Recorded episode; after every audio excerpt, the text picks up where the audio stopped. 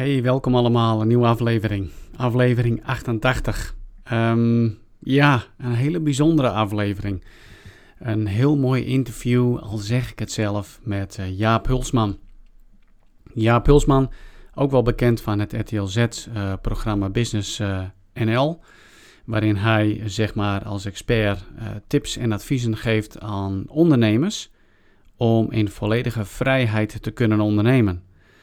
En dan denk je misschien wel van hoezo in vrijheid te ondernemen. Ja, daar hebben we het ook over in het interview. Kijk, ik denk ook dat de meeste van ons als ondernemers uh, gaan ondernemen omdat ze juist die vrijheid willen ervaren. Je wil zelf bepalen wat je doet. Van um, de werkzaamheden die je doet, wanneer je dat doet, hoe je dat doet, wat voor tarieven je daarvoor vraagt. En ga maar, zo, ga maar door. En de praktijk is echter heel anders. Tenminste, zo is het ook altijd in mijn leven, ondernemersleven geweest. En zo is het ook bij heel veel ondernemers die ik begeleid. De werkelijkheid daar is namelijk dat er van die vrijheid maar heel weinig overblijft. En dat men klussen aanneemt om maar omzet te kunnen draaien, om maar wat te kunnen verdienen. Ehm, waarbij ze een heleboel van die vrijheid dus uit handen hebben gegeven. En ik heb wel eens vaker gezegd, zo ben ik ooit wel eens een keer geconfronteerd door mijn dochter.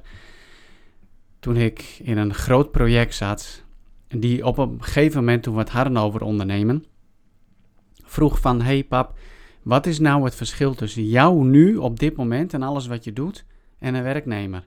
En dat was net alsof er een, een, ja, een dikke wake-up call kwam, een klap in mijn gezicht van, hé, ik ben gaan ondernemen om, om vrij te zijn, om datgene te doen wat ik goed kan. En dat zo vaak mogelijk, zoveel mogelijk.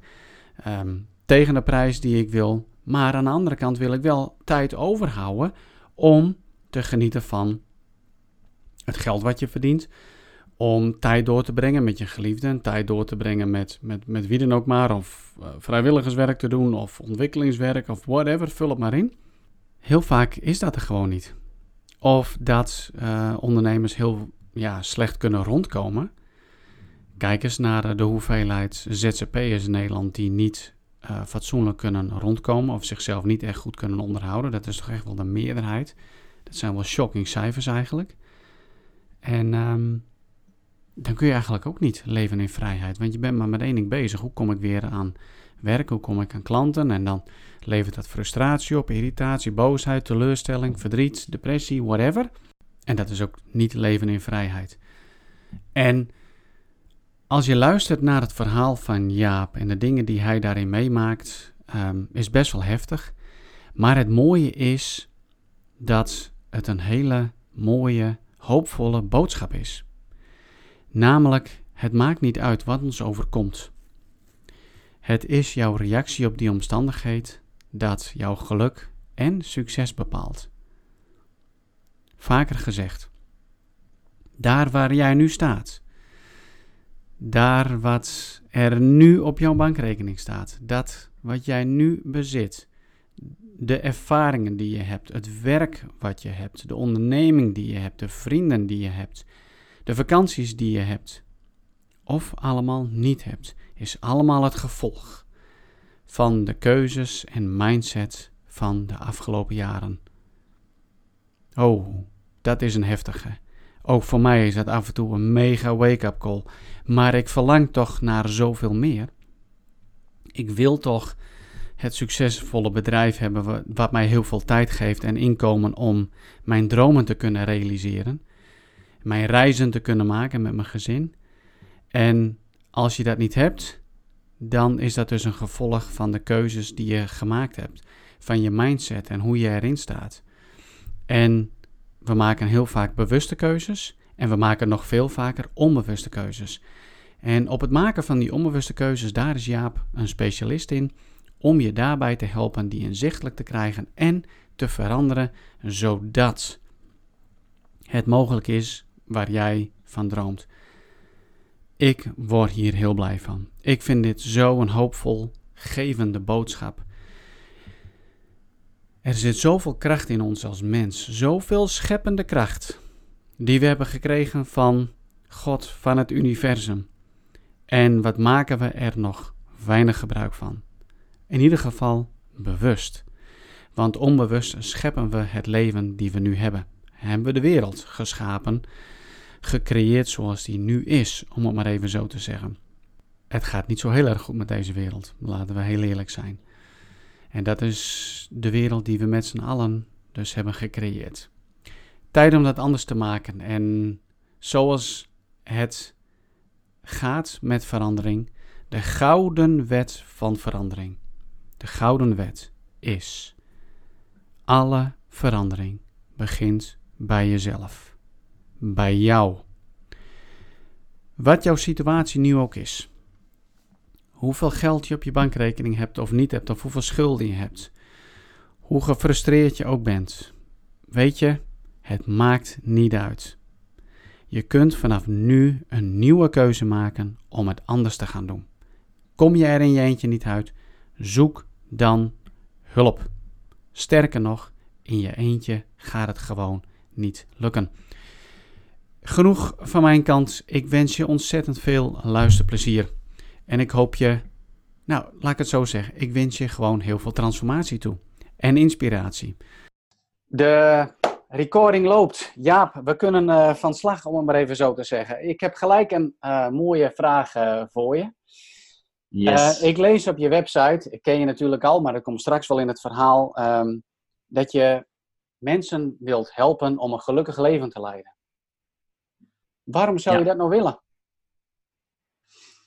Nou, in de eerste plaats, uh, leuk dat je mijn website hebt bekeken.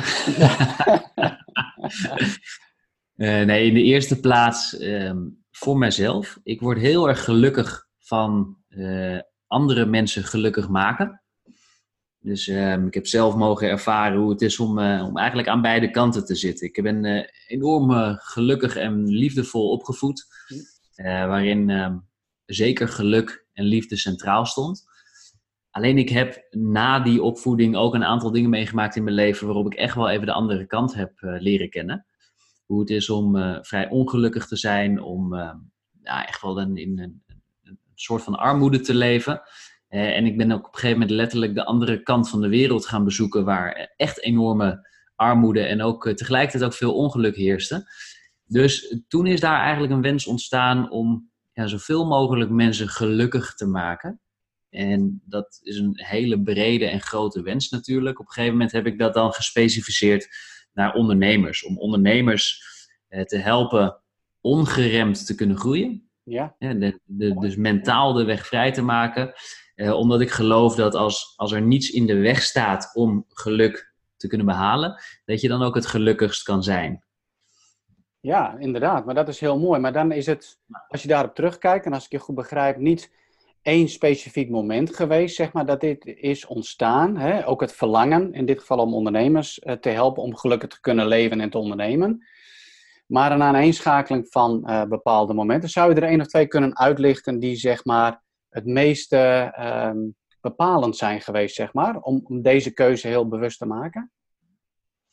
Ja, wat mij echt, echt wakker geschud heeft, is een moment in 2004 daar eh, verloor ik van de een op andere dag mijn huis. Eigenlijk al mijn bezittingen, wat ik eh, in, uh, zeker in ruim 18 jaar had opgebouwd, dat werd in één klap van me afgenomen doordat dat mijn huis afbrandde. Dat is een incident, lang verhaal kort, een incident van mijn buurjongetje, acht jaar oud, speelde samen met zijn vriendje buiten. En hadden het plan om een vuurtje in onze schuur te maken. En dat is helemaal uit de hand gelopen.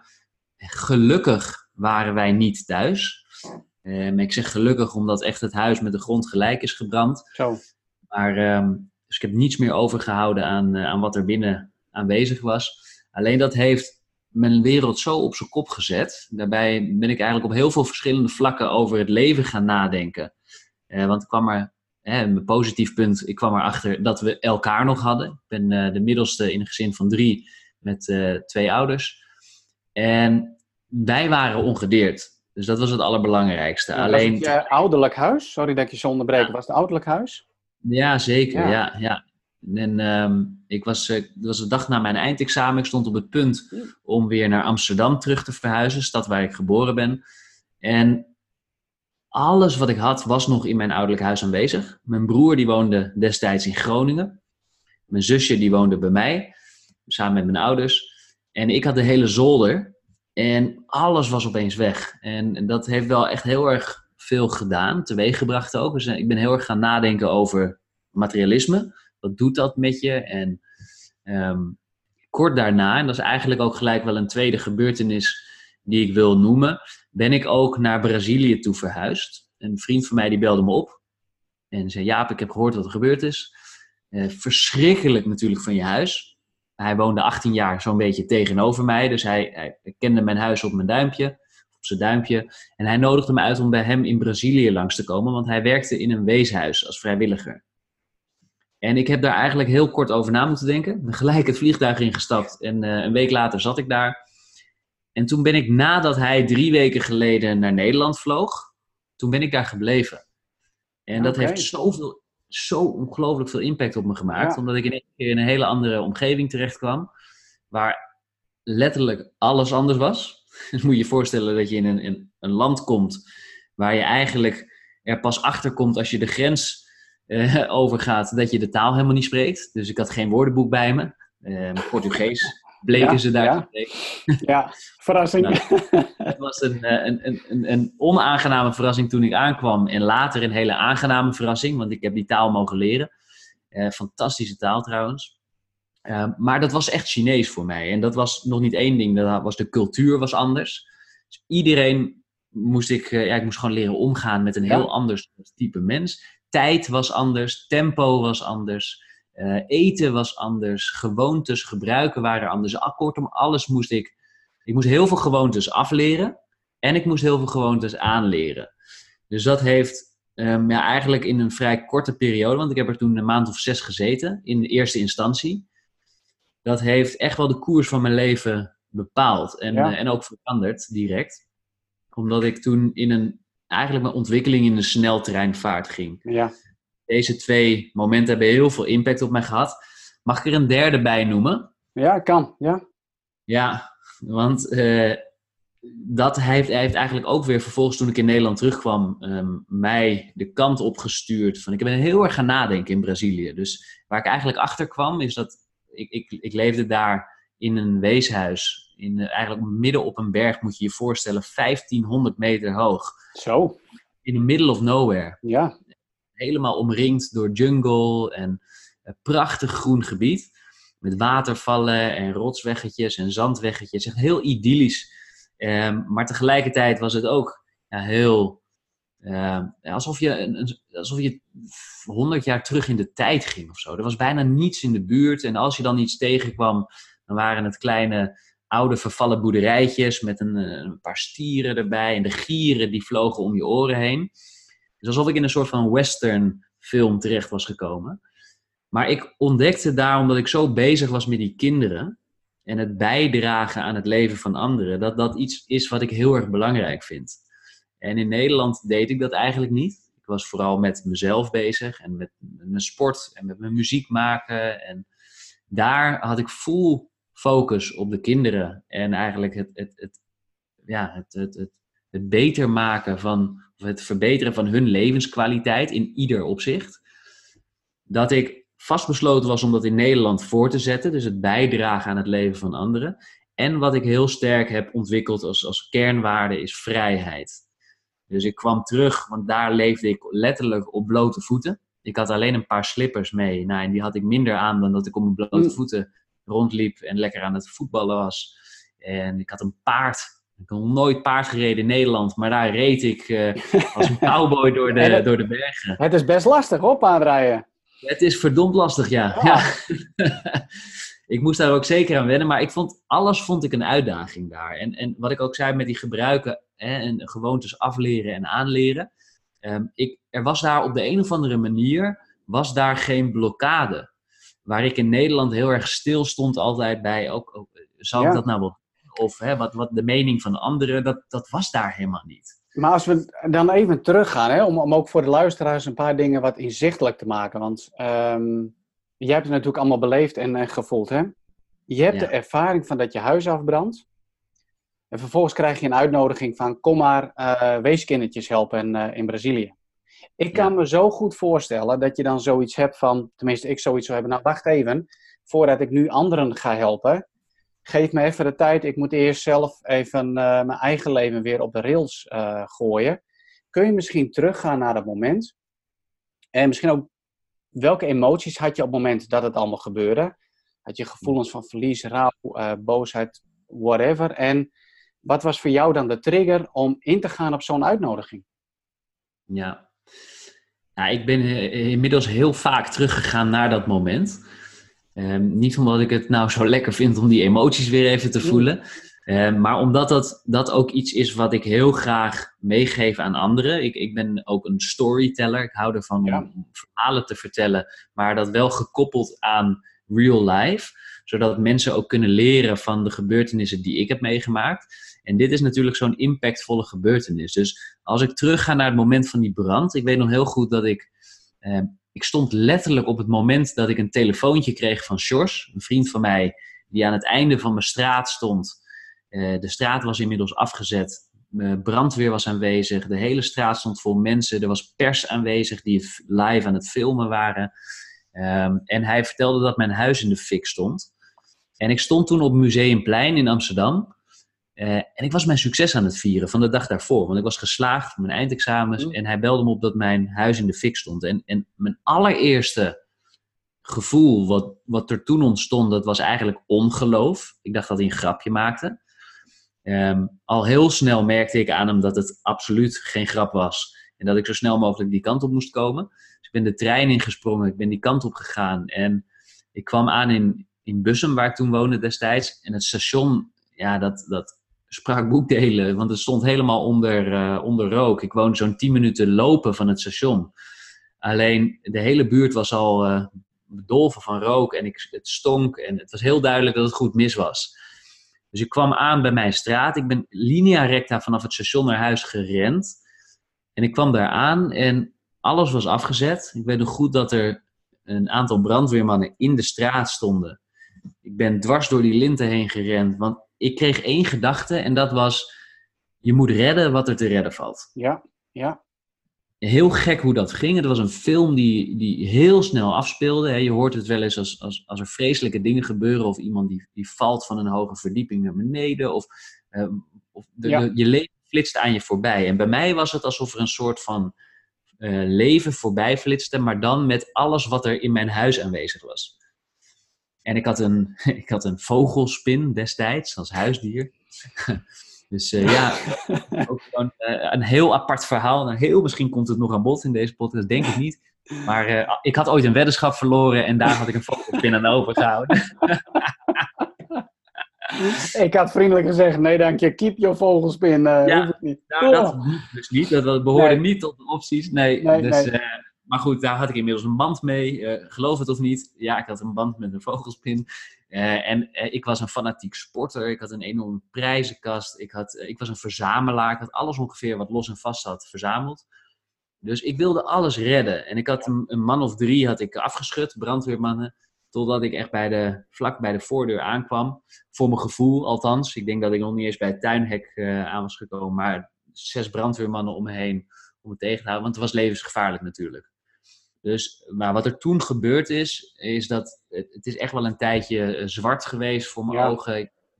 Alles flitste door mijn hoofd, van mijn spullen. Eh, tegelijkertijd, ik wist niet waar mijn ouders waren. Ik wist niet waar mijn zusje was. Mijn broer wist ik zeker dat hij er niet was. Maar van mijn ouders en mijn zusje wist ik dat niet. Uh, en ik werd neergezet onder begeleiding op het uh, grasveld van mijn buren. Waar ik letterlijk dwars door mijn huis keek inmiddels. Want de, de, de, grote stralen water van een brandweer spoten door mijn huis heen. En ik, ik kon alleen maar kijken hoe mijn, en zoals ik dat dan noem, mijn huis eigenlijk veranderde in een schouwspel van spullen die steeds minder en minder werden. En de waarde die je aan alles hecht, want gek genoeg hechten we aan alles waarde. Ja, zeker. Niet aan alles evenveel waarde. Nee. Um, in één keer werd het werd een heel raar gevoel in mijn lichaam. Maar de ene keer kwam er iets voorbij en dat was heel waardevol. En de andere keer kwam er iets voorbij en dat was niet zo waardevol. En in één keer vond ik iets wat ik dacht helemaal niet belangrijk te, te vinden, in één keer wel heel erg belangrijk. En zo is dat eigenlijk uh, een aantal weken na die brand is dat gebleven. Dat er dagelijks dingen voorbij flitsten in mijn gedachten. Uh, waarvan ik echt even moest verwerken dat ik dat ook kwijt was. En we bleken helaas niet zo goed verzekerd te zijn. Dus dat was ook nog een, uh, ja, geen kers op de taart, maar meer een... Nee, uh, precies. Mega dompen nog een keer, ja. Ja, ja, ja zeker. En uh, ja, goed, dat, dat, dat, we kwamen er eigenlijk nog slechter van af dan dat we normaal verzekerd zouden zijn. We waren onderverzekerd.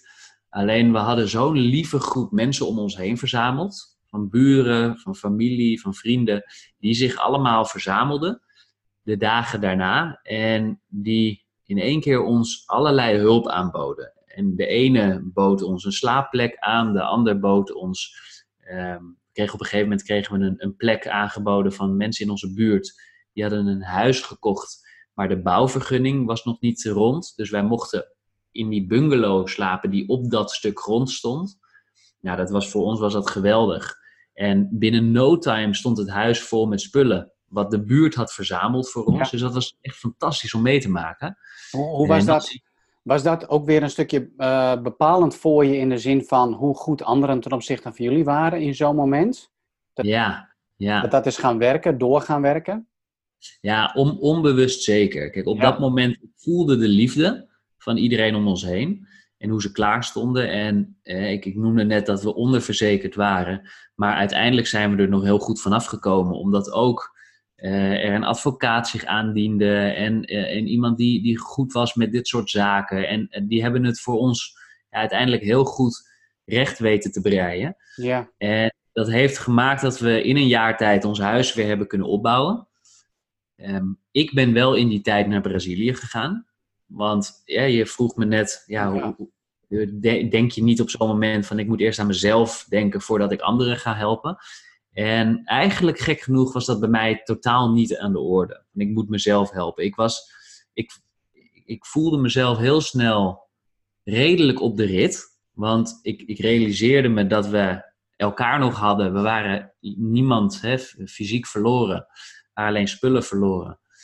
En het voelde direct als een goed besluit om naar Brazilië te gaan. En het was eigenlijk niet mijn intentie om daar te blijven. Alleen dat bleef, dat, uiteindelijk liep dat wel zo. Omdat ik, ik was daar op de juiste plek, op het juiste moment, bij de juiste mensen. En ik had dat blijkbaar nodig. Als ik nu terugkijk op mijn leven, had ik, had ik die periode echt nodig om te staan waar ik vandaag de dag sta. En, ik wil je eigenlijk een, nog een vraag stellen uh, daarover. En het is een beetje een tricky vraag. Hè? Uh, dus zou je daarop terug kunnen kijken en kunnen zeggen van uh, er is, een, er is een, een hogere macht, een God, een universum geweest die dit heeft geregisseerd om jou ergens uh, te krijgen en misschien ook jouw uh, familieleden, ik weet niet hoe die verder in het leven staan. Of is het volgens jou een kwestie van um, de kracht zit hem in van hoe ik heb gereageerd op de omstandigheden? Ja, mooie vraag. Um, ik weet het niet zo goed. Ik heb, ik heb daar niet één duidelijk antwoord op. Ik sta open voor beide antwoorden. Um, dus ik sluit niets uit. En ik denk dat dat sowieso een, een, een, heel belangrijk onderdeel is geweest van de richting die ik in mijn leven op ben gegaan. Alles wat ik meegemaakt heb. Omdat ja. dat ik open sta voor verschillende invalshoeken, een open mind heb en zeker geen deur sluit voordat ik weet wat erachter zit. Alleen als ik terugkijk en misschien als we de, de vraag iets anders zouden formuleren, of ik uh, dankbaar ben voor wat er gebeurd is. Ja, mooi. Dat, ja. dat is best een, een zware vraag als je die bijvoorbeeld aan mijn broer zou stellen. Um, die zou misschien heel antwo anders antwoorden, of mijn zusje. Maar ik ben dankbaar voor wat er gebeurd is. En ook blij dat het een onderdeel is van mijn leven. Het is niet dat ik toen op dat moment blij was, verre weg van zelfs. Dus het was verschrikkelijk wat, wat ons overkwam.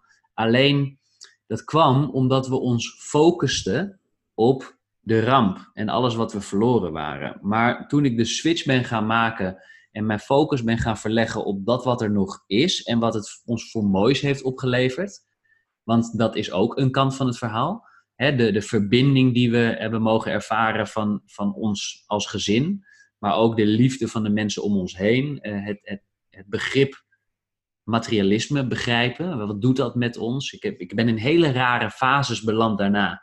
Van het, het willen hebben van spullen of het juist niet willen hebben van spullen. Ja. En het, het leren ontdekken van, hé, hey, wat doet het met je als je waarde hecht aan iets? Of wat doet het met je als je helemaal geen waarde hecht aan iets? Minimalistisch geleefd. Ehm, maar ik ben daar op een gegeven moment heel erg mezelf in gaan ontdekken. Van wat wil ik nou? Los van wat doet het met me, maar wat, wat, wat zou ik nou eigenlijk willen? En als je daarmee bewust gaat experimenteren, dan, dan kom je een beetje los van systemen, althans waar ik onbewust in ben gezogen.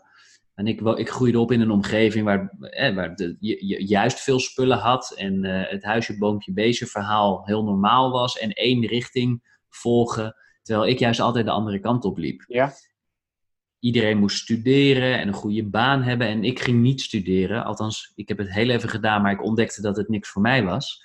En ik wilde gewoon de praktijk in. En ik wilde ervaring opdoen. En niet één ding kiezen. Maar ik wilde hè, die oogkleppen afdoen en, en alles open houden. Want misschien als ik voor één ding kies, dan zou ik niet ontdekken dat er misschien iets anders ook heel mooi is. Precies, ja. ja. Nou goed, dat is een beetje mijn pad geweest sinds die periode.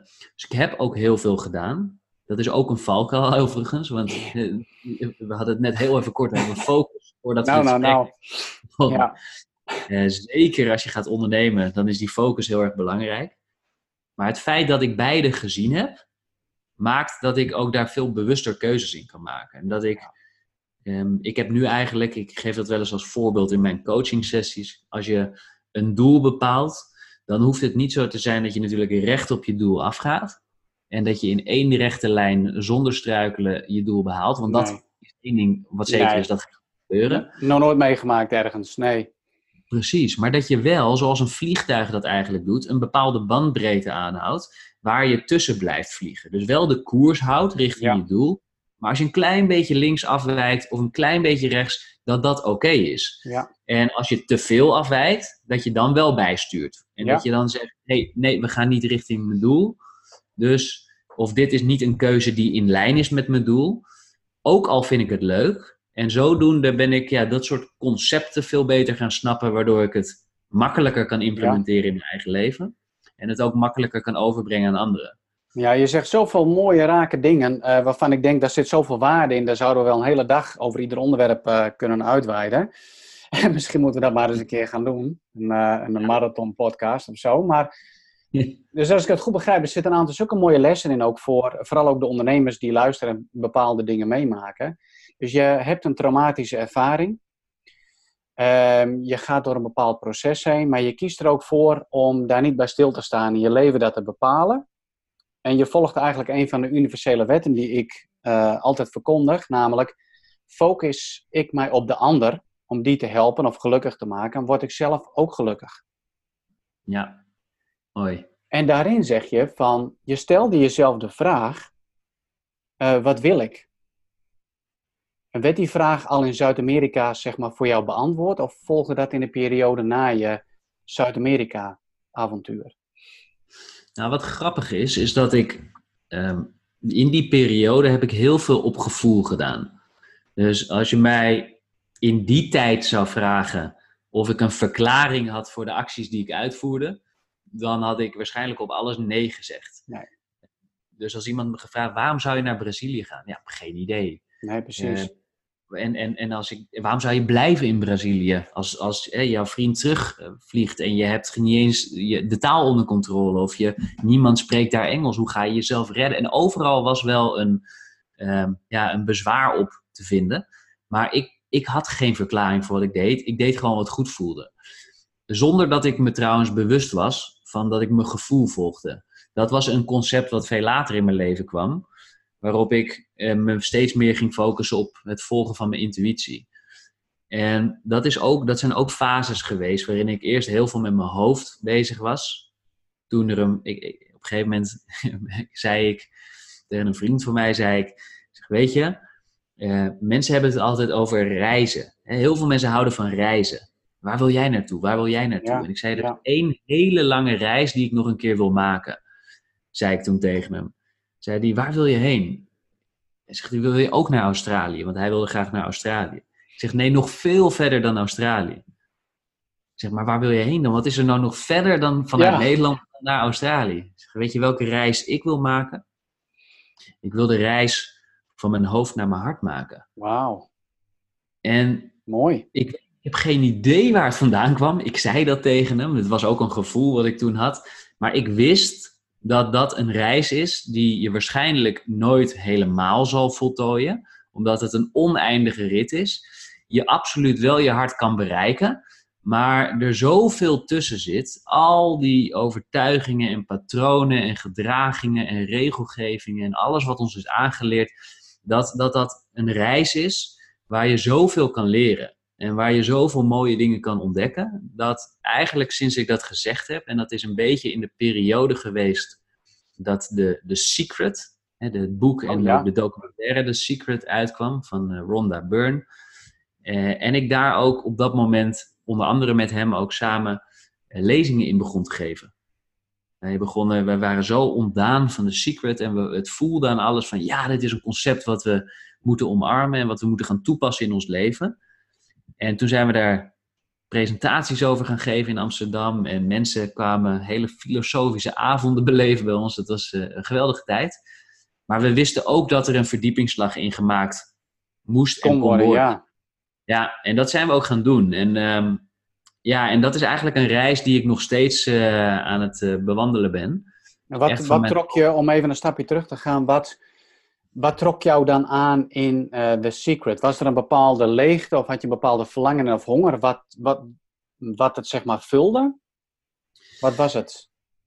Ja, nou er was, um, je, je vroeg mij net, heb je twee momenten in je leven die hè, kenmerkend zijn geweest? En, en ik zei, mag ik daar nog een derde aan toevoegen? En ik eindigde eigenlijk in Brazilië ik, dat was niet mijn derde moment, want dat was mijn tweede moment. Ja. Maar het derde moment wat ik daar aan vast wilde plakken, wat eventjes uh, een andere wending kreeg, maar dat was het, het opzetten van mijn tweede bedrijf. Ik, had, ik ben toen een, uh, ik, ik groeide door in de sales. Ik werd sales manager en op een gegeven moment opende ik mijn marketing communicatiebureau, One Step Forward. En toen gaf ik uh, trainingen aan heel veel verschillende mensen. Ik heb wel honderden verschillende mensen opgeleid omdat dat direct sales was, mm. was er ook een enorme doorstroom. En in die periode heb ik een bedrijf, in, in anderhalf jaar tijd een bedrijf opgebouwd van 0 naar 30 werknemers. Dus een flinke organisatie. Maar dat is ook binnen uh, een jaar daarna is dat weer afgebroken. Binnen eigenlijk een hele korte periode. En dat kwam door een verschrikkelijk incident tijdens werktijd. Ik verloor een collega, tegelijkertijd een goede vriend van mij, uh, in een auto-ongeluk. En dat was ook zo'n moment waarop mijn leven echt even op zijn kop stond. Omdat ik niet alleen een vriend kwijt was, ik was ook een collega kwijt. Maar tegelijkertijd was ik als jonge gast, was ik de werkgever die verantwoordelijk was voor wat er gebeurde. Ja, ja, heftig. En dat zette niet alleen mijn bedrijf op zijn kop, maar ook mijn hele leven. Want ik was een schakel tussen het bedrijf, zijn familie uh, de politie, want er was ook een hele politiezaak omheen gekomen. En, en, jongens vanuit mijn werk waren ook betrokken geweest in dat auto-ongeluk. Dus ik zat ja, in die weken daarna in een, rollercoaster van allerlei emoties die ik nog nooit meegemaakt had en die ik niet kon plaatsen. En mijn bedrijf brokkelde van een winstgevend bedrijf, eigenlijk een goed lopend bedrijf, af naar een, een bedrijf waar ik 30 werknemers had die niet meer kwamen opdagen en die ik niet kon betalen. Uh, een enorme schuld die ik opbouwde daardoor. Want als je direct afhankelijk bent van resultaten in de sales. En er komen geen resultaten binnen. Maar je moet wel iedereen betalen die op de payroll staat. Dan wordt het een dure grap. Ja. Dus dat was een derde moment wat heel veel impact op mij gemaakt heeft. En dat is het moment waarop ook vrij kort daarna de secret in mijn leven kwam. En ik eigenlijk ontdekte hoe hard dat misschien ook klinkt dat het moment waarop mijn bedrijf afbrokkelde als gevolg van het auto-ongeluk van Jonathan die overleed, dat ik eigenlijk die hele situatie ja, eh, de verkeerde kant op heb gestuurd. En dat is heel erg confronterend geweest voor mij in die periode, om, om dat überhaupt onder ogen te zien en dat te kunnen zeggen.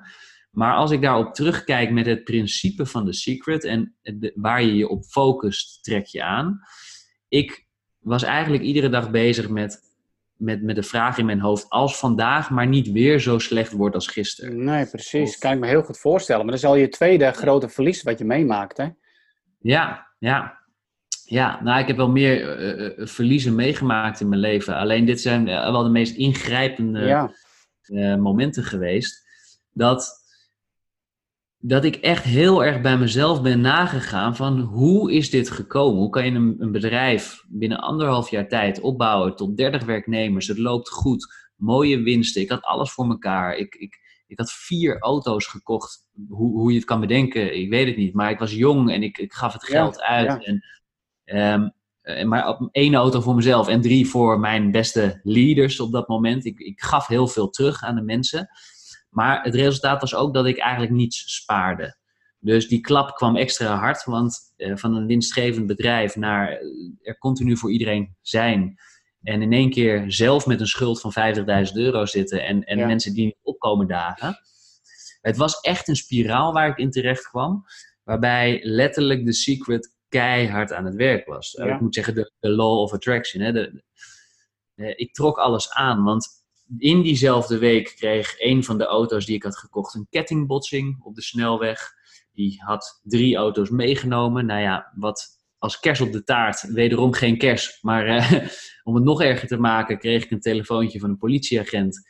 Op de A4 stond hij naast mijn auto om me te vertellen dat ik uh, niet verzekerd was, die auto.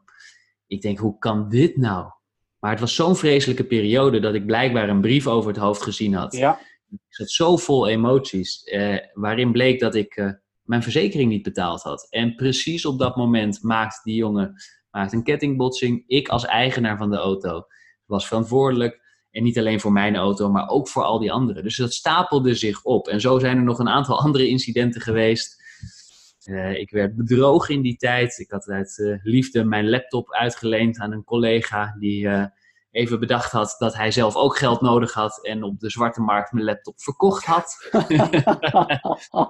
ja, dus, hey, maar, ja. maar Jaap, dat is hè, ontzettend veel hè, wat je dan meemaakt. Ja. En ik kan me heel goed voorstellen, en ik zie om me heen en ik zie het gebeuren, dat als je dat soort dingen overkomt, je hebt zulke verliezen meegemaakt en pech tussen aanhalingstekens, dat je denkt, fuck het allemaal. Uh, ik ben slachtoffer van het leven, het leven is tegen mij. Hoe ben je hier weer uitgekomen? Want ik ken je uh, nu, ik kende je niet in die tijd. En uh, ook nu weer heb je een succesvolle onderneming. Uh, ben je te zien op televisie bij RTL Z en, en lijkt het je voor de wind te gaan. Hoe heb je ooit die switch kunnen maken? Hoe kan het dan dat je niet zeg maar in een of andere slachtofferrol bent weggezonken? Ja, ik heb er zelf ook over na zitten denken. Ik denk, wat, wat, wat is dat nou? Als ik terugkijk op mijn jeugd, en ik, ik vertelde al dat ik een fanatiek sporter was. Ik, uh, als, ik, je mijn broer en mij naast elkaar zet, wij deden vaak dezelfde sporten. Hetzelfde uh, aantal uren staken we daarin. Maar ik was eigenlijk degene die vaak met de winst er vandoor ging. En ik heb daarover na zitten denken, hoe komt dat nou? Hoe kunnen we nou in dezelfde omgeving opgroeien en totaal andere resultaten behalen met dezelfde sporten notabene? Uh, en ik kwam er eigenlijk al heel snel achter dat dat een mindset ding was elke wedstrijd die ik inging, wist ik al van tevoren dat ik ging winnen. Dus er was bij mij geen twijfel. En zo ging dat eigenlijk op heel veel vlakken in mijn leven, waardoor ook mijn moeder zei bijvoorbeeld heel vaak tegen mij: Jaap, hoe komt het? Jij hebt altijd geluk. Hm. En ik zei altijd in mezelf, tegen mezelf: Nou, dat is geen geluk, dat trek ik gewoon zelf aan. Ja, ja. Dat creëer ik. Maar ik had geen idee hoe ik dat deed. Maar ik, ik, ik wist, het was een gevoel wat ik had van tevoren. En dit wetende kwam op een gegeven moment terug. Toen ik zo, zo ver aan de grond zat en, en mijn bedrijf was omgevallen en het, het, was uit elkaar gevallen. Ik had een enorme schuld, mensen kwamen niet meer opdagen, ik werd bedrogen. Dat er is toen een moment geweest dat ik echt zo ver aan de grond zat dat ik letterlijk gedacht heb: weet je, als morgen het licht uitblijft, dan is het oké. Ja. Dan, dan hoeft het van mij niet meer. En dat is zo'n. En, en een groot gedeelte daarvan is de financiële druk die op mijn schouders uh, uh, lag. En tegelijkertijd al die kleine dingen die bij elkaar opgeteld werden. En dat was zo heftig dat ik ik, ik heb zo in tranen gezeten, maar ook om de uitspraak die ik zelf had gedaan, dat, dat ik als zo'n positieve gast, die overal naar oplossingen zo ver kon zakken, uh, of althans zakken, dat ik zo ver aan de grond kon zitten, dat ik zo'n gedachte kon hebben, dat ik gewoon niet meer de andere kant zag.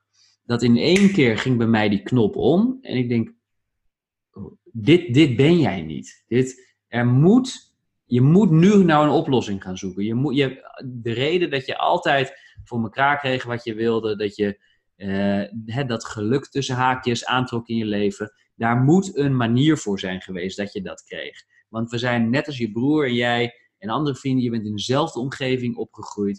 Je hebt dezelfde mogelijkheden, maar toch ging het bij jou altijd anders. En misschien wel zelfs voor de wind. Hoe kan je dat nu gaan inzetten op het moment dat je het hardst nodig hebt? Ja, ja.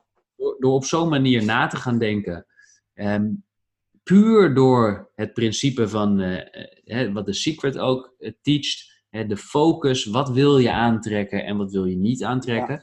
Toen ben ik dat gaan toepassen. En dat was verdomde moeilijk, want je voelt op het moment dat het, de emotie het hoogst is, is dat ook heel erg lastig. Ja. Focus te leggen op iets wat je wel wil. Ja. Maar dat is wel mijn, mijn way out geweest. En steeds meer zag ik wel het licht. En steeds meer, en eigenlijk was die gedachte, die heftige gedachte, was al vrij snel weg. Dus dat heeft een paar dagen heeft dat aangehouden. Maar dat was vrij snel daarna weg. En is dat omgezet in ja, meer een drive om zo snel mogelijk die schuld terug te gaan betalen. Want ik heb mij niet failliet laten verklaren. Ik heb het bedrijf overgedragen aan iemand anders zodat al die jongens die er nog wel waren, dat die niet op straat kwamen te staan, maar dat ze nog hun baan konden behouden. Ik heb die schuld meegenomen en ik ben in dienst gegaan bij een uh, tweetal organisaties om, ja, kosten wat het kost, die schuld weer uh, terug te betalen. Ja. En wat, wat me drie jaar echt keihard werken op heeft geleverd. Uh, ik verdiende eigenlijk heel veel geld, maar ik heb er niets van verdiend. Of niets aan overgehouden, want ik moest alles terugbetalen. Ja. Dus ik heb ja, eigenlijk mezelf. Uh, een beetje ben ik mezelf vergeten in die periode. Ik had full focus op het terugbetalen van die schuld en weer schoon in lijn maken. Dat is gelukt. En uiteindelijk is toen ook weer de weg voor het ondernemerschap eigenlijk vrijgekomen. Want ik was eigenlijk gedwongen om een vast inkomen te, te hebben gedurende die periode. Want ik kon het me niet permitteren natuurlijk dat die schuld nog hoger zou oplopen als het niet goed ging. En omdat ik goed was in sales, en daarom kon ik dat redelijk rap terugbetalen. Um, ja, ik kon veel betekenen voor organisaties. Dus ik heb toen in binnen- en buitenland heb ik mijn, uh, sales, uh, mijn salesvaardigheden heb ik, uh, in kunnen zetten. Daardoor ook weer veel meer geleerd over verkoop. En als ik terugkijk op hoe ik dat dan weer geleerd, geleerd heb, dan heb ik dat eigenlijk te danken aan Brazilië. Want in Brazilië. Het, het werken met die kinderen. Ja, ja, kijk, toen ik daar terecht kwam eh, en de taal niet sprak, dan moet je op een andere manier gaan communiceren. En hoe ga je met iemand communiceren als je de taal niet spreekt? Hè? Dus hoe zouden wij nu, ja precies, kijk jij, hè, voor, de, voor de luisteraar, wij zien elkaar nu, want dit wordt ook op beeld opgenomen. Maar luister je dit nu? Kijk, wat William en ik nu doen, we gebruiken ook gebaren naar elkaar toe. En dit is precies wat ik in Brazilië deed. Dit is het enige wat ik kon doen. Mijn lichaam inzetten als communicatiemiddel. Universele taal, hè? Precies. Ja. want als je, als je teruggaat naar... Ja, vertel. Maar ja, om weer even terug te gaan op hetgene wat je net, uh, net vertelde. Ik kan me heel goed voorstellen dat als er uh, ondernemers zijn die aan het luisteren zijn, tegenslag uh, hebben, te maken hebben gehad, misschien wel met een bedrijf wat failliet is gegaan, of nu momenteel gewoon financieel moeilijk zitten en heel erg kijken ook naar die omstandigheden. Is het voor iedereen aan te leren en is het voor iedereen te doen om, zeg maar, zoals ik dat noem, als creator in het leven te gaan staan en het leven, je onderneming, wat meer naar je eigen hand te zetten? Ja, zeker. Ja. Dus dat is goed nieuws. Ja. Maar waar begin je dan? Ja, het is voor iedereen te doen. Alleen hangt het wel af van het gevoel, de sterkte van het gevoel dat je koppelt aan je doel. Dus op het moment dat je in een dal zit en je wil eruit komen. Kijk, het voordeel is, hè, als je in een put zit, er is maar één weg en dat is een weg omhoog. Ja. Alleen vaak, kijk, wanneer, wanneer zitten mensen in de put, is op het moment dat ze, niet altijd, hè, dus, eh, dus even een disclaimer, maar vaak is het het gevolg van te veel naar beneden kijken, hè, te veel down-gedachten. En als je maar lang genoeg bij blijft graven, dan kom je diep genoeg. En op het moment dat je daar diep in die put zit en er is maar één weg en dat is omhoog, dan wil dat niet zeggen dat je die weg ook makkelijk kan maken, omdat je gewend bent naar beneden te kijken. Dus soms dan vertel ik dat wel eens aan iemand die heel erg in de put zit. Eh, en zeg, weet je, weet je, het positieve is, er is maar één weg en dat is omhoog. Dus kijk maar eens omhoog. En het start letterlijk met naar boven kijken. Dus richt je blik omhoog in plaats van naar beneden. Want jou, en dat leerde ik in Brazilië ook heel sterk door met mijn lichaam bezig te zijn en heel goed op mensen te letten, is jouw fysiologie bepaalt enorm hoe je je voelt. Dus als jij kijkt naar iemand die heel erg lekker in zijn vel zit, dan heeft hij zijn borst vooruit, zijn kin omhoog, kijkt lekker de wereld in. En dat triggert positieve gedachten. Iemand die zich niet lekker voelt, hè, als we het hebben over ja. degene die in de put zit, die heeft heel lang naar beneden gekeken. In elkaar is hij gedoken, waarschijnlijk met zijn lichaam. Kijk maar eens naar iemand die depressief is. Hoe loopt die? Nou, niet als een winnaar met zijn armen in de lucht. Nee. Die kijkt juist heel erg naar beneden en eh, alsof hij constant geld aan het zoeken is op straat. Ja. Maar als, stel dat het geld is wat je wil aantrekken, dan, dan gaat het niet om uit die situatie komen door te weten dat je geld wil aantrekken. Maar dan start het met waarom wil je dat? Ja. Wat is het, en wat is het gevoel dat je daaraan kan koppelen? Ja. Ook weer een bruggetje naar de secret. wat, als, als je een doel stelt en je wil het aantrekken, de, de focus erop is niet voldoende. Maar de emotie die je daarbij voelt is heel erg belangrijk. Juist, die is heel ontzettend belangrijk, ja. ja. Sterker nog, die is alles bepalend. Ja. Dus het, het, het kennen van principes of concepten, dat is niet voldoende. Ehm, er komt vaak veel meer bij kijken. En wat veel mensen doen, en wat ik heel veel mensen ook hoor zeggen, is ja, dat ken ik wel, dat principe. Of ja, dat, dat, dat heb ik ook wel eens gedaan. Maar het werkt niet. En dat klopt ook, want als je het wel eens doet, of je kent het, wil nog niet zeggen dat je het ook weet. Nee. En voor mij is, kijk, weten is op het moment dat je het ook praktiserend uitvoert. Ja, en, dus- en ook gewoon langere tijd doet. Precies, ja. Kijk eens naar, maar ik geloof dat bijna uh, dat iedere methode of principe of zelfhulpboek uh, wel kan helpen. Alleen de vraag is, hoe lang uh, blijven we bij iets, hè? bij een bepaalde methodiek of wat dan ook maar. Hoe lang blijven we trouw? Precies. En dan is het een paar keer en dan houdt het, dan houdt het gewoon weer op. Dus als ik je goed begrijp, zeg je eigenlijk daarmee, het is voor iedereen mogelijk om het meer naar zijn eigen hand uh, te zetten, om ook zeg maar succes tussen aanhalingstekens voor zichzelf te, te bereiken. Maar het begint dus ook gewoon met een duidelijke bewuste keuze. En een visie van waar je naartoe wilt. Want die, die, die, die gang omhoog, die weg omhoog, ik kan me voorstellen dat het krachtiger gaat worden op het moment als je daar ook nog een plaatje schetst, als het ware. Ja, je, je moet een reden hebben, hè? Ja. Als, je geen, als jouw reden niet duidelijk is, waarom zou je het doen dan? Kijk, je kan je wel onprettig voelen in je situatie waar je zit. Maar als je niet weet hoe je het wel wil hebben, hoe ga je in beweging komen dan? Ja, ja dat is ontzettend moeilijk hoor. Ja, ja, dat, maar, ja. ja, maar begin bij iets kleins. Hè? Kijk, als je, stel dat je nu in de, stel dat je dit luistert en je zit in de put. En wat, wat die put voor jou ook mag zijn. Hè? Dat kan een financieel probleem zijn, het kan een, een relatieprobleem zijn, het kan zijn dat je in between jobs zit of niet weet wat je wilt doen of niet lekker in je vel zit of gezondheidsprobleem, wat het dan ook is. Maar je hebt nu niet het gevoel, ja, maar wat wil ik dan wel? Kijk dan naar iets kleins wat je wel wil. Dus iets kleins. Het hoeft niet gelijk iets, iets life-changing te nee, zijn. Nee, precies. Nee. En vaak zijn mensen hè, die, die, als ze een doel willen stellen om ergens naartoe te bewegen of ergens uit te komen, dan, willen, dan stellen ze een doel wat zo ongrijpbaar is, waardoor er ook geen gevoel bij ontstaat. Nee. En het resultaat is, ze blijven staan of zitten op een plek. Ja, dan is hij gewoon te abstract. Dus maak hem gewoon veel kleiner even.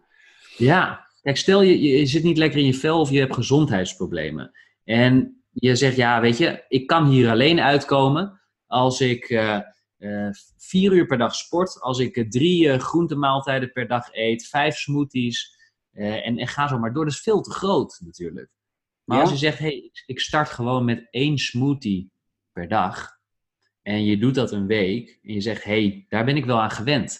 Nou, dat doet, doet me eigenlijk wel goed. Weet je wat? De week daarop zet ik een nieuw schema in en ga ik ook uh, iedere ochtend 10 minuten even wandelen. Op het moment dat ik opsta. Ja. En dit is misschien wel een goed, goed moment trouwens om ook daarop over te gaan. Want wat, wat is nou alles bepalend voor je dag? En dat is ook voor mij echt een, een enorme redding geweest in moeilijke tijden. Is door het begin van mijn dag goed te starten. Ja, dus ja dat is gewoon een hele belangrijke, ja super belangrijk. Kijk, als je aan het eind van de dag gaat bepalen van shit, hoe had ik het willen doen vandaag, dan ben je te laat. Ja. Maar het begin van de dag maakt hoeveel energie je hebt, welke gedachten je hebt, hoe je je voelt. Dus als je dan kan bepalen, hey, wat ik tot nu toe gedaan heb, ja, dat is eventjes in de spiegel kijken en confronterend. Maar als je kan zeggen tegen jezelf: wat ik tot nu toe gedaan heb, is het resultaat van de acties die ik heb uitgevoerd. Dat betekent dat ik andere acties moet uitvoeren als ik andere resultaten wil hebben. Alleen dat besef maakt dat je iets anders moet gaan doen ja. als je een ander resultaat wil. En dat hoeft niet groot te zijn, maar dat kan heel klein zijn. Ja, ik denk dat het een heel, heel mooi uh, advies is. Uh, om, om gewoon klein te beginnen, zodat je daarin ook zeg maar een winervaring uh, creëert. En, en dat gaat gewoon groeien, want dan krijg je daar je focus op. En alles wat aandacht krijgt, dat dan groeit. Dus um, ik, ik ben zeker van het groot dromen. Alleen de stappen er naartoe, begin gewoon klein. Ja. En maak het overzichtelijk. En um, ja, dat is wel een hele mooie. Zeker, en, want, hoe doe jij dat bijvoorbeeld? Nou, ik schrijf uh, een heleboel over uh, waar ik naartoe wil en hoe het gegaan is. Dus ook heel erg reflectief uh, schrijf ik. Ik werk bijvoorbeeld achter mij, zie je daar in het klein, een, heb ik een vision board van de dingen die ik graag wil doen. Maar dan heb ik, gebruik ik bepaalde plaatjes ehm, die bij mij een bepaald gevoel oproepen. Hè, omdat jij zei ook al, hè, die gevoel is eigenlijk, die emotie is een hele belangrijke in de law of attraction, om het maar even zo te zeggen. Dus dat, dat, helpt mij om die bepaalde gevoelens, zeg maar, uh, op te roepen. Dus het is voor mij schrijven, uh, wandelen in de natuur, is ook een hele belangrijke. En gewoon stil zijn. Dat zijn eigenlijk mijn uh, secret ingredients. En ik zal heel eerlijk zijn, waar ik graag nog een groeistap in zou willen maken, um, is de ochtenden. Ja, ik ben, ik, ik durf er bijna niet uit te spreken om te zeggen, want woorden hebben kracht. Ik ben niet een ochtendmens. Dat is mijn identiteit nu. Mhm. Dus die zal ik uh, moeten gaan veranderen. We hebben on onlangs uh, uh, een boekje aangeschaft van Hal Elrod, The Morning Miracle. Ja. En nou ja, ik denk dat ik daar nog een heleboel op kan, kan winnen. Om meer, zeg maar, daarin ook de regisseur te zijn, de creator van, van mijn dag. Mooi. Ja. Ja. Ja, kijk, laten we vooropstellen dat we allemaal, ook ik en ook jij en iedereen om ons heen, we allemaal winst kunnen behalen. Ja. En dus wat ik nu allemaal vertel, ehm, ja, het is allemaal uit ervaring, maar ik heb aan beide kanten gezeten. En eh, dat maakt nog niet dat ik ook alles perfect doe. Dus als je nu zoiets hebt van, ja, maar weet je, uh, het klinkt allemaal wel mooi, maar dat heb ik al eens gedaan of dat werkt bij mij niet. Geef het gewoon iets langer de tijd en weet ook dat het allemaal niet perfect hoeft te zijn. Want eh, kijk, eh, het leven is, misschien is het goed te beschrijven als een reis van imperfectie naar perfectie, waarin we nooit perfect zullen worden, maar waarin het wel fantastisch is om gewoon zoveel mogelijk groei door te maken, omdat dat uiteindelijk maakt dat we leven. En hoe minder je groeit, dus hoe minder je doet, hoe ongelukkiger je voelt. Dat zit in de natuur van ons als mens. Dus als je, als je merkt dat je gewoon niet zo lekker in je vel zit, dan is dat ook een, een hele makkelijke formule. Is ga gewoon meer doen. Ga dingen doen waar, hè, ga uit je comfortzone. Doe dingen die je spannend vindt. Want iedere keer dat je iets gedaan hebt wat je spannend vindt, maar je hebt het wel gedaan, is een tractatie en is een stukje groei in jou als persoon. En dat maakt uiteindelijk dat je veel meer het leven kan gaan proeven en ervaren. Ja, dat, oh, dat is zo mooi dat je dat zo zegt. Hè? Want in het doen zit zoveel belangrijk. Uh, ik herken ook wel van fasen uit mijn leven waarin uh, er ook sprake was van tegenslag. Of dat ik gewoon een periode had van neerslachtigheid. Of inderdaad mijn focus op de verkeerde dingen uh, had. En dan merkte ik dat ik mezelf ging opsluiten. Ja. En dat ik inactief werd. En nou, dat, is, dat werkt als een versterker van het negatieve gedrag dat gaat me niet worden. Dus vandaar, zodra ik ook maar eens een keer een dag heb waarvan ik denk van, oh man, weet je, ik wou dat ik deze kon skippen. Ik pak mijn rugzak, drinken mee, mijn schrijfboek mee en ik ga naar het bos. Want ik weet, gegarandeerd, 100%, dat als ik die beweging maak naar het bos, ik ga daar wandelen, ik ben stil. Ik doe bepaalde dankbaarheidsuitspraken waarvoor ik dankbaar ben. Mooi. En dat is ook van hetgeen wat ik zie, hè, de vogels, de natuur. Laatst was ik er uh, met een gezamenlijke vriend van ons, Pieter, zag ik een, zagen we een adder uh, voorbij komen in het bos. Uh, ik weet gewoon, als ik die beweging maak, dan kom ik blij terug. Altijd. Ja. Dus gewoon altijd. Ik beweeg, ik loop, ik ben dankbaar, ik geniet en ik ben stil. Mooi hè? Ja, ik vind dat zo mooi. En dat is, ik, ik, oh, ik gun dat zo die hele wereld, zeg maar, om, uh, om in die creatorstand uh, te komen. En, um, en dat is ook jouw missie wel, hè? Om ondernemers daarbij uh, bij te krijgen. En um, jij gaat er eigenlijk nog weer een stapje verder in, zeg maar, als het gaat om ondernemers daarin te helpen. Je hebt het in je verhaal heel vaak ook over. Ik ben mij bewust geweest van iets en sommige dingen waren heel erg onbewust. En nu weten we als uh, coaches, als mentors allebei ook wel dat zo'n 95% van ons gedrag is uh, onbewust. Dus onbewust ja. automatisch gedrag. Hè? En soms dan zijn er dingen die we willen veranderen in onze onderneming en leven. Uh, en voel je dat van binnen? Dat je, dingen, dat je dingen anders wil. En je gaat zoeken en je gaat proberen, maar je komt er niet bij. En dan moet je bij het onderbewuste zijn. Exact. Ja. Ja, een mooi voorbeeld ook van wat wij gedaan hebben samen dan. Ja. Hè? Nou ja, ja. precies. Dus um, ik noem mezelf de drakendoder. Uh, dromenjager en drakendoder. Dus als ik ergens een spreekbeurt doe, dan, dan presenteer ik mezelf uh, zo. Ik heb zelf hier, uh, kijk, uit een van de strijd heb ik een drakentand ah, overgehouden. Ja. Hè? Ja, heb ik ja. bek weggetikt, om het maar even zo te zeggen. Ja, mooi man. Um, maar ik, ik had op een gegeven moment wel het gevoel van, ik vecht tegen een onzichtbare draak. Ja. En toen zeg maar uh, per toeval, waar ik niet in geloof eigenlijk, zijn we elkaar tegengekomen, in gesprek geraakt. En was er ook wel een bepaalde klik. En voelde ik me ook heel veilig uh, bij jou. En heb ik een sessie bij jou uh, bijgewoond om bij het onderbewustzijn te komen. Ja. Waarbij er eigenlijk heel iets verrassends naar boven kwam. Um, achteraf denk ik wel, eigenlijk zouden we eigenlijk allemaal zo'n sessie moeten hebben. ja, toch? Ja. Als ondernemer. Want uh, hebben we niet allemaal gewoon die onzichtbare draak in ons leven? Ja, absoluut. Ja, ook, ook ik. Ik merk uh, ook weer, kijk, we hadden het er vorige keer over. Hè? Een, een bekende uitspraak die, die ik vaak hoor terugkomen. Every level has its own devil. Yes, ja. Uh, waarom dat een, een, een, belangrijke uitspraak is binnen het ondernemerschap? Omdat bijna iedere ondernemer, niet iedere ondernemer, maar bijna iedere ondernemer is bezig met groei. Ja. Die wil zijn of haar bedrijf groter maken, meer impact maken, meer mensen helpen. En bij het woord meer hoort vaak ook weer een nieuw gevoel, nieuwe acties, nieuwe handelingen. En dan verschijnt er weer een, een, een eigenlijk een, een, nieuw gebied wat je nog niet kent. Dat is ook logisch. Hè? Waar ik het net over had, iedere keer dat je je comfortzone verlaat, eh, dan heb je een, een, nieuw gevoel. Dan heb je ben je een stuk gegroeid. Alleen, je weet nog niet hoe het daar is. En iedere keer dat je iets nieuws meemaakt, bijvoorbeeld de eerste keer dat je op een podium staat voor een hele grote groep mensen, dat is heel anders dan dat je daar voor de tiende keer staat. Ja, ja omdat je met nieuwe emoties moet dealen. Je moet met nieuwe gedachten dealen.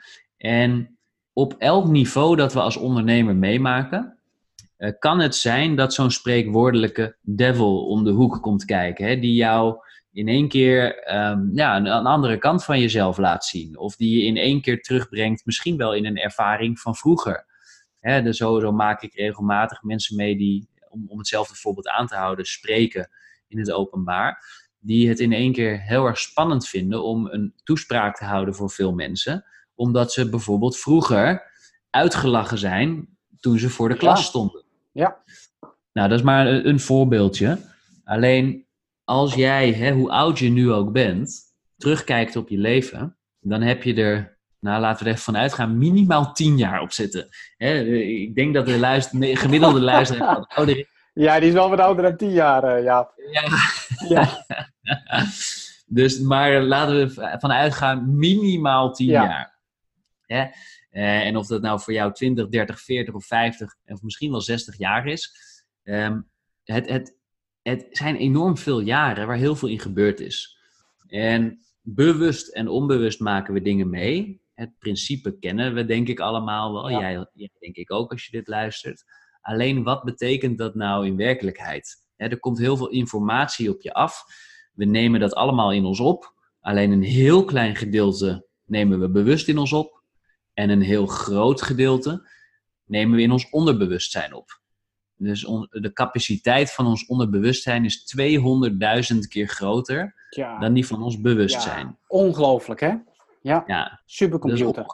dat is een geweldige computer die alle informatie begrijpt en kan coderen en kan opslaan. En zelfs zo kan opslaan dat het gewoon netjes in mappen, als het ware, terechtkomt op jouw harde schijf. Dus je kunt ook letterlijk bij alle informatie terugkomen die er ooit is binnengekomen. Alleen omdat dat zo gigantisch veel is en omdat niet alles even belangrijk voor jou is. We hebben allemaal bepaalde filters waardoor we die informatie filteren. Kan het zijn dat sommige informatie gewoon in je leven is binnengekomen en helemaal nooit meer terugkomt. Maar sommige informatie, omdat er bepaalde emoties aan gekoppeld zaten, dat die sneller terugkomen in je leven. En soms zelfs wel op bepaalde momenten dat het niet heel erg welkom is. om dat voorbeeld te geven dat je in één keer nu als volwassen eh, kerel of dame op het podium staat. En in één keer ervaar je een gevoel wat je misschien wel als jong meisje of jongetje hebt ervaren toen je voor de klas stond. En je kan maar niet begrijpen hoe dat komt. Maar omdat die emotie heftig was toen.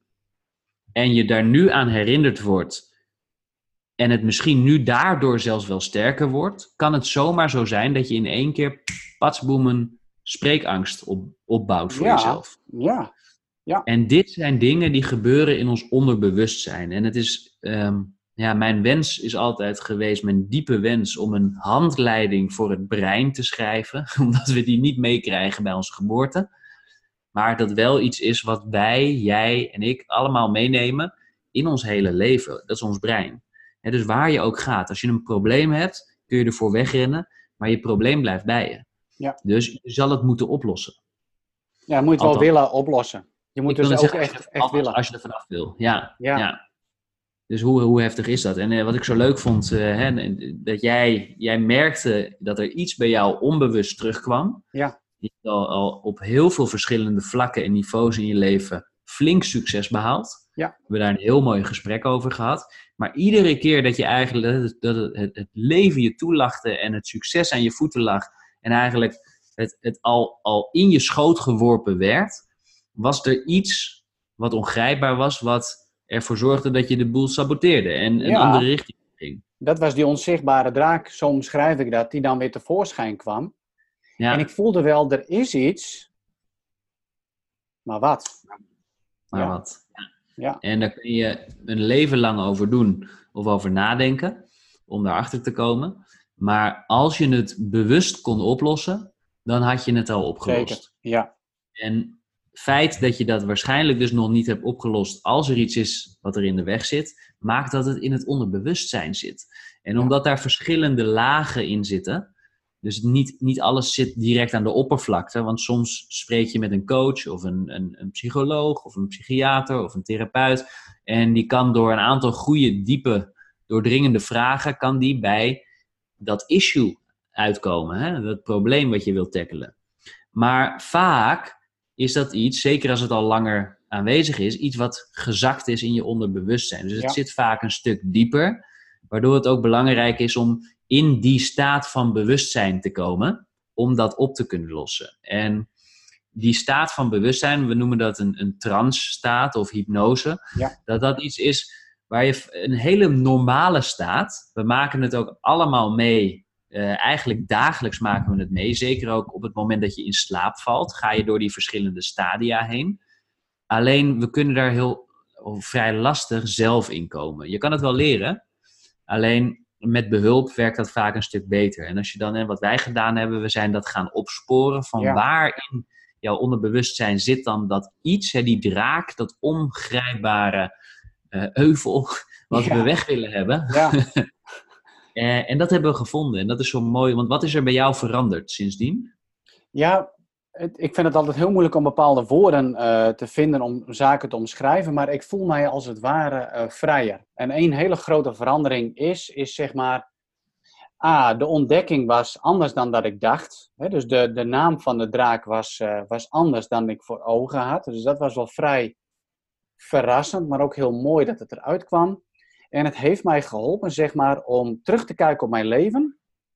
En voorheen keek ik terug en kon ik heel vaak, ik denk bijna het grootste gedeelte, als ik dan terugkijk op mijn leven als slachtoffer, kijken naar mijn jeugd en de dingen die mij dan tegenzaten in mijn opvoeding en de dingen die ik allemaal niet heb gehad en wat ik gemist heb. Ja, En nu kijk ik erop terug en heb ik een gevoel, echt letterlijk het gevoel van dankbaarheid. mooi. En eh, daar heb ik in mijn vorige podcast ook al wat over gezegd. En dat uitte zich van, eh, ik was in staat om naar het graf van mijn moeder te gaan. Eh, ik heb bloemen gekocht en die daar neergelegd. En ehm, ik was in staat, zeg maar, om haar te danken voor het leven dat zij mij heeft gegeven. Terwijl daarvoor kon ik haar nog wel dingen kwalijk nemen van, hey, waarom heb je dit zo gedaan, waarom is dit zo gegaan, enzovoort. En ik Mhm. had ooit wel vergeving uitgesproken, na- ook pas na haar overlijden eigenlijk. Maar nu kon ik echt een hele diepere laag ingaan door haar ook nog eens een keer te danken. Voor Mooi. hetgeen wat zij mij heeft gegeven. En eh, dat zorgt ervoor dat je eh, veel meer ruimte krijgt voor jezelf en ehm, op een andere manier kunt gaan ondernemen. Ja. Hey, je zegt, ik- je hebt je bloemen gelegd bij het graf van jouw moeder. Eh, eh, er zijn denk ik zeker mensen die dat misschien wel regelmatig doen als ze hun moeder zijn verloren. Ja. Is dat iets wat jij ook regelmatig deed? Nee, nee, nee. Ik ging eh, al heel lang niet meer. En ik heb nog nooit bloemen gelegd. En dit was echt de eerste keer. Ik had Ja. echt zo'n gevoel van binnen van... ik zie haar en ik kon haar zien zoals ze was als mens. En eh, ik voelde ook echt liefde en dankbaarheid voor eh, hetgene wat zij mij heeft meegegeven. En eh, ondertussen begint het hier heel te regenen. ik moet even mijn raam dicht doen. En ik, en ik ben ervan overtuigd dat dat een heel groot gedeelte van een, stuk, een stukje bevrijding is. En wat tijdens onze sessie zo mooi naar voren kwam, is dat ik zeg maar kijk naar mijn voorgeslacht en naar die hele familie. En als het ware, ik sta op hun schouders en zij duwen mij allemaal omhoog en hebben het mogelijk gemaakt voor mij om mij nu te zijn en ook het succes te hebben die ik nu heb. Ja, En ehm, ja, weet je, ik, ik ben als het ware een soort van ambassadeur ook van mijn voorouders. Van hé, hey, we, we hebben het gedaan. ja, We hebben het geflikt. En dat heeft Mooi. een stukje bevrijding gegeven en een stukje opluchting. En eh, nou, je, je durft nu echt, zeg maar, nog meer eh, authentiek jezelf te zijn in het ondernemen. En dat is Gaaf. gewoon een heerlijk gevoel. En dat gun ik iedereen. ja, ja heel mooi. Ja, ik, ik, ik, ik vond het eh, eh, bovenal een hele mooie sessie met je. Ook heel dankbaar dat we dat zo hebben kunnen doen. Maar eh, wat, ik, wat ik ook mooi vind, en het leuke is, het geeft mij natuurlijk ook weer inzicht, hè, iedere keer. We hadden het erover. Van, en, hoe, hoe- gaat dat? Hoe is het dan voor jou? Stelde je me die vraag, zo'n sessie. Ik zeg, nou, ik ben op dat moment ook helemaal in het moment. Het is een, een, eenzelfde energieveld waar we in handelen. Ehm, maar wat zo mooi is, is dat je. eh, ik, ik ga daar ook over nadenken. Wat ik heel erg haal uit de sessie die wij hadden en wat ik heel veel zie, is dat mensen ehm, iemand anders iets kunnen kwalijk nemen. En dat hè, neem je ouders of je, je voorouders. Ja. Het gedrag wat jij nu vertoont. En natuurlijk is het zo dat we heel veel overnemen. Maar kwalijk nemen of wrokgevoelens, die zijn vaak misplaatst. En wat we zo mooi hè, uit onze sessie haalden, is als je dan inderdaad kijkt als jouw familie, hè, jouw, de stamboom van jouw familie, dus dat jouw voor, voor, voorouders helemaal beneden zitten, daar jouw voor, voorouders en je voorouders en je overgroot, of je opa en oma en je ouders en jij daar bovenop, dan kijk jij op een heel ander niveau naar het leven dan zij. En hoe kun je iemand iets kwalijk nemen die jou iets geleerd heeft vanuit een hele andere tijd of een hele andere denkwijze dan dat jij op dit moment nu zit en leeft? En die gedachte kan enorm bevrijdend zijn. En dat maakt het vaak ook makkelijker voor mensen om iets te vergeven of iemand te vergeven, omdat je, ja, je, je makkelijker kan relativeren op zo'n moment. Ja. En ja, dat, dat vond ik bij ons heel erg mooi, hoe dat ging. Maar wat ik ook heel erg mooi vind, en ik ben daar ook ongelooflijk benieuwd naar, naar de komende tijd bij jou, is dat je ook zei van ja, weet je, eigenlijk zelfs, en ik weet niet of dat door onze sessie specifiek is geweest, maar ik, ik had het idee dat je een, een onbewust verlangen al hebt, al langere tijd, om meer van jou nog te laten zien dan dat je hebt gedaan. Ja, mooi. Ja, mooi dat je daar nog even op terugkomt, inderdaad. En uh, ik begin er al bij te lachen en, uh, en bij te stralen, want um, ik, wat dat betreft ben ik altijd wel een, een, open boek. En heb ik, hoe zeg je dat in het Nederlands, je hart op de tong of op, op de mouw of zoiets? Zoiets ja, op, op de tong is het. Niet op Your heart on the sleeve or something like that, I don't know. maar um, ja, en ik voelde me geremd, omdat ik toch altijd bezig was. Of altijd, klinkt dan weer zo, uh, zo zwaar, maar ik was bezig met wat vinden anderen van mij. Maar vooral ook mensen die heel erg dicht bij je staan. Of uh, groepen waar je bij hebt gehoord, zeg maar, voor langere tijd. Wat gaan die daarvan vinden? Dus ben ik heel erg bezig geweest met de mening van anderen. Terwijl ik nu, is er een soortje, soort van poort open gegaan waarbij ik kan zeggen, maar William, zoals jij bent, jij bent goed. En ook jouw verlangens en de dingen waar je mee bezig bent, dat mag er gewoon zijn. En dat is juist heel erg goed om dat ook te ventileren. Dus dat is een beweging waar ik nou aan het doen ben. Dus door open en eerlijk te vertellen um, waar ik mee bezig ben. En dat ik, wat ik net ook tegen jou zei voor onze um, uh, opname, dat ik meer spiritualiteit wil gaan betrekken, ook in mijn coaching. Dat ik ja. uh, uh, mijn yoga practice, beoefening, ook daarbij wil gaan betrekken. En daar gewoon open en eerlijk over wil zijn. Maar ik kom uit een achtergrond waarbij bepaalde dingen gewoon not done zijn. Of die zijn tussen aanhalingstekens niet goed voor je. Ja. En um, daar ben ik nu los van. Heel Kun je me nog goed horen, Jaap? Want ik hoor heel veel ja. regendruppels omheen, maar het is nog luid en duidelijk, hè? Ja hoor, ja, zeker. Ja. En ja. ik vind het heel mooi, heel mooi wat je zegt, want ik denk dat het een hele waardevolle boodschap is naar heel veel mensen. Is, ik denk dat we ons allemaal, um, uitzonderingen daar gelaten, maar ik reken mezelf daar ook onder, dat we ons allemaal wel op een bepaald niveau laten tegenhouden door onze omgeving. Daarom zeg ik specifiek een bepaald niveau, want er zijn absoluut mensen die zijn al uh, voorbij uh, dat level dat ze zich iets aantrekken van de mening van anderen als het hun niet stimuleert richting hun doel. Maar we nemen zo om, zoveel over op onbewust niveau dat we ons veel te makkelijk laten leiden door onze omgeving, wat anderen vinden, wat we geleerd hebben, hoe het hoort te zijn tussen haakjes. En dat je nu, kijk, hoe bevrijdend moet dat voor jou voelen? Dat je nu eigenlijk onvoorwaardelijk kan en wil gaan delen waar je voor staat, wie je bent. Ja, nou weet je, dat is, dat is zo'n fantastisch gevoel. Ik weet nog dat ik in de auto weer terug zat vanuit Amsterdam richting uh, Drachten. Dat ik de hele tijd maar één soort van mantra in mijn hoofd had. En dat is I am free. Ja. Ik ben toen ook thuisgekomen en ik heb s'avonds in mijn dagboek opgeschreven. Uh, één tekst, I am free. Voor die dag.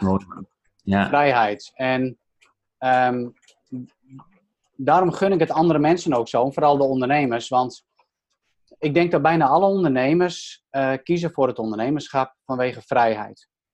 Om zelf te kunnen bepalen hoe en wat en iets op te willen bouwen en ook bepaalde levenservaring te hebben. Maar als we heel eerlijk zijn, Jaap, en dat weet je ook heel goed vanuit jouw praktijk, is ik denk dat de meerderheid van ondernemers niet die vrijheid ervaart. En niet die vrijheid uh, beleeft, zeg maar, in het dagelijkse gang van uh, de onderneming. En dat we dus geleefd worden door onder andere de mening van anderen, de opvattingen van anderen. Maar onder andere ook de draken die ons uh, bezighouden. Bijvoorbeeld het verleden. Ja. Het jeugd. En ik zal heel eerlijk zijn. Ik heb ontzettend lang geleefd vanuit die slachtofferrol. Uh, ik heb sowieso uh, meegemaakt in mijn leven.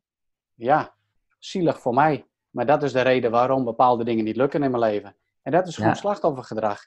En dat is niet vrijheid. Vrijheid is dat je op een gegeven moment uh, dat onder ogen durft te komen. Dat je ermee aan de slag gaat. En dat je het, laat ik het zo zeggen, dat je in staat bent om ook de pijn te ervaren, te omarmen, zodat de pijn verandert in kracht. In goede energie. Ja. En daar ben je ook een heel mooi voorbeeld van, van hoe je dat hebt gedaan in het leven met uh, de traumatische gebeurtenissen die je hebt meegemaakt. Heel erg heftig. Groot gedeelte van mensen die dat soort dingen meemaken, komen er eigenlijk nooit weer uit. Ze zijn dus niet in staat, zeg maar, om iets moois op te bouwen. Ja. Maar jij hebt ja. het wel gedaan. En ik, kan nu, ik durf ook van mezelf te zeggen, ook ik heb dat gedaan. Ja, zeker. En we ja, zijn we in, hebben... die, in die creatorrol gaan zitten. Ja, ja, we hebben het nu hè, hoofdzakelijk over mij gehad. Uh, en ik denk dat de luisteraars van je podcast uh, ongetwijfeld al meer van je gehoord hebben. Maar Ja, ik, ik ben ervan overtuigd dat er ook nog veel meer van je gehoord zal gaan worden. Ja. Want, want wat je nu ook vertelt, hè, de energie die ik ook voel die er vrij is gekomen bij je, die is al heel anders dan dat we elkaar op het eerste moment ontmoeten. En, en Ja. dat was al aantrekkelijk en aanstekelijk. Uh, maar nu helemaal. Ik voel dat er, en ik weet, ken je kwaliteiten ook uh, voor een, een groot gedeelte. Dus ik, ik weet zeker dat je nog veel meer mensen Ja. heel goed kan helpen zoals je er nu in staat. En ik denk dat het ook super nodig is. Ik denk dat je een enorm, of ik weet dat je een, ik vind je een enorm voorbeeld voor heel veel mensen. Hm, Ehm, Dank u. ja, nee, dat meen ik echt uit de grond van mijn hart. En, en ik kies ook zelf vrij bewust met wie ik werk en met wie ik niet werk. Ehm, want wij hadden het, jij noemt net het slachtofferrol. Kijk, ik werk niet bijvoorbeeld met mensen die in een slachtofferrol zitten, per definitie. Waarom niet? Ja. Omdat, omdat het, eh, iedereen zit in een slachtofferrol. We maken allemaal dingen mee. Alleen de vraag is, stap je eruit of wil je eruit stappen?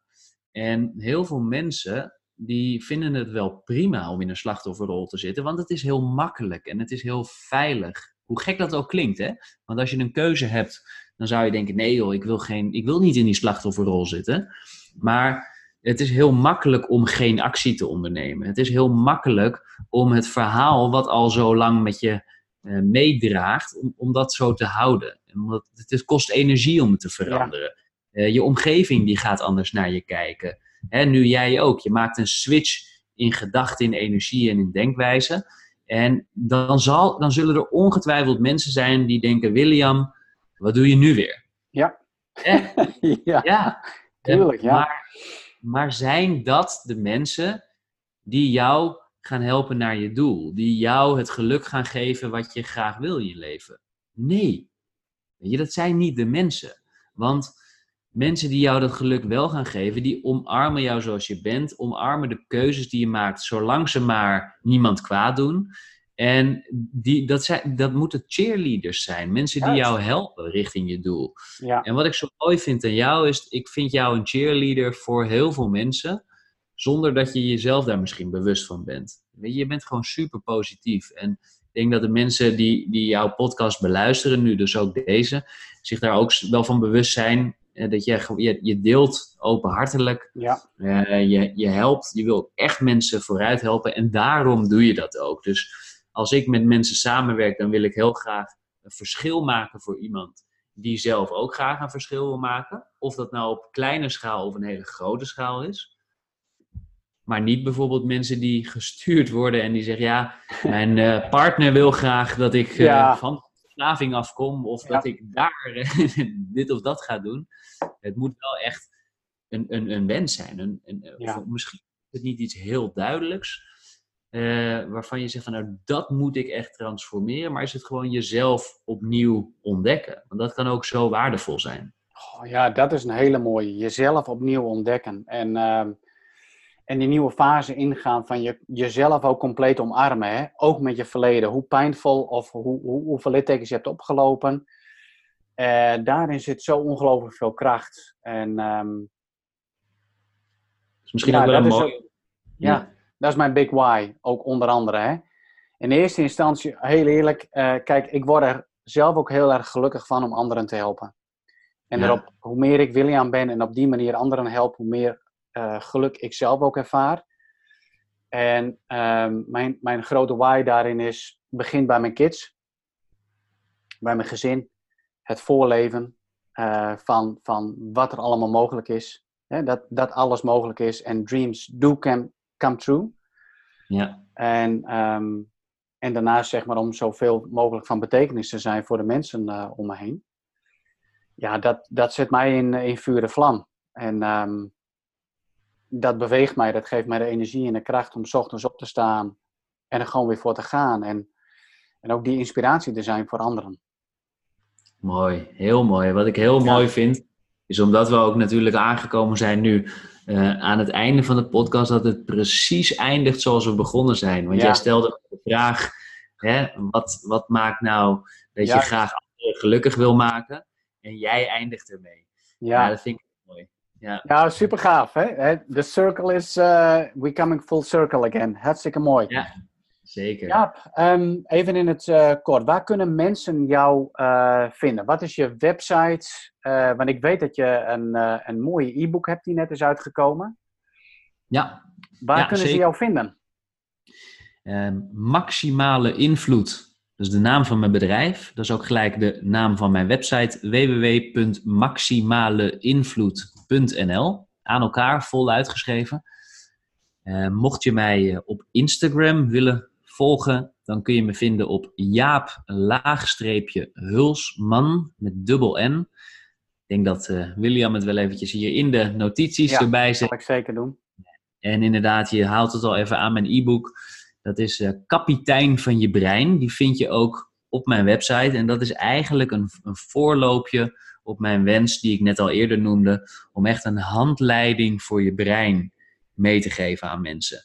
Zeker als je wat meer wil ontdekken over jouw overtuigingen, over hoe je daar nou mee om kan gaan, hoe je wat meer koers kan bepalen in je eigen leven, dan is dat zeker leuk om die te downloaden.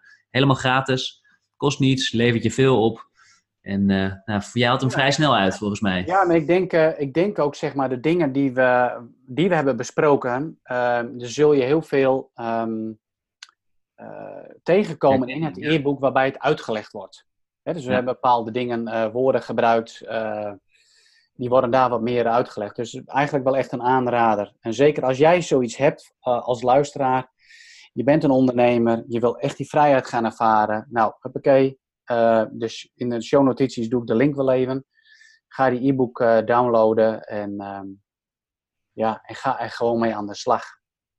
Ja, ga, ga, ga, ga, voor je geluk is denk ik een, een hele mooie laatste ja. boodschap. Ja, en ik, ik wil hem. Ik heb een hele speciale knop op mijn computer uh, voordat we gaan eindigen, ja. En ik kan jou in verbinding brengen met de gehele wereldbevolking. Dan laten we selecteren, knopje, alle ondernemers van de wereld. Breng ik je mee in contact. Wat is jouw boodschap? Wat wil je ze vertellen? In het kort. Ja, ehm, ik zou heel veel willen vertellen in het kort. Ik noem het net al, weet je, ga voor je geluk. En het, het is echt mogelijk. En zolang jij gelooft dat het mogelijk is, dan komen de oplossingen die je nodig hebt om je doel te behalen. Dus in samengevat in één woord, uh, laat je geloof nooit in de steek. Mooi. Oh, heel mooi. Die past ook heel erg bij mij, uh, mijn motto's uh, enzovoort. Hè? Always keep the faith. Um, all our dreams can come true if we have the courage to pursue them. Walter Disney. Walt Disney, ja. Mooi om daar even mee, uh, mee af te sluiten. Jaap, ik wil jou ontzettend bedanken voor wie jij bent. de fantastische man die je bent, hoe je in het leven staat, wat je voor mij hebt betekend, wat je voor andere mensen betekent. ook voor je, de missie waar je mee bezig bent. die maximale invloed die ook jij wil gaan uitoefenen, zodat je ehm, to live up to your full potential, om het maar even zo te zeggen. Maar ook anderen wil leren om hetzelfde te kunnen. Dus dank je wel. Uh, ik heb er enorm van genoten. En uh, ik hoop dat de luisteraars er ook van hebben genoten. Vooral al die waardevolle inzichten die we hebben gedeeld. En ga er gewoon mee aan de slag. Dank je wel voor het luisteren. Tot een volgende keer.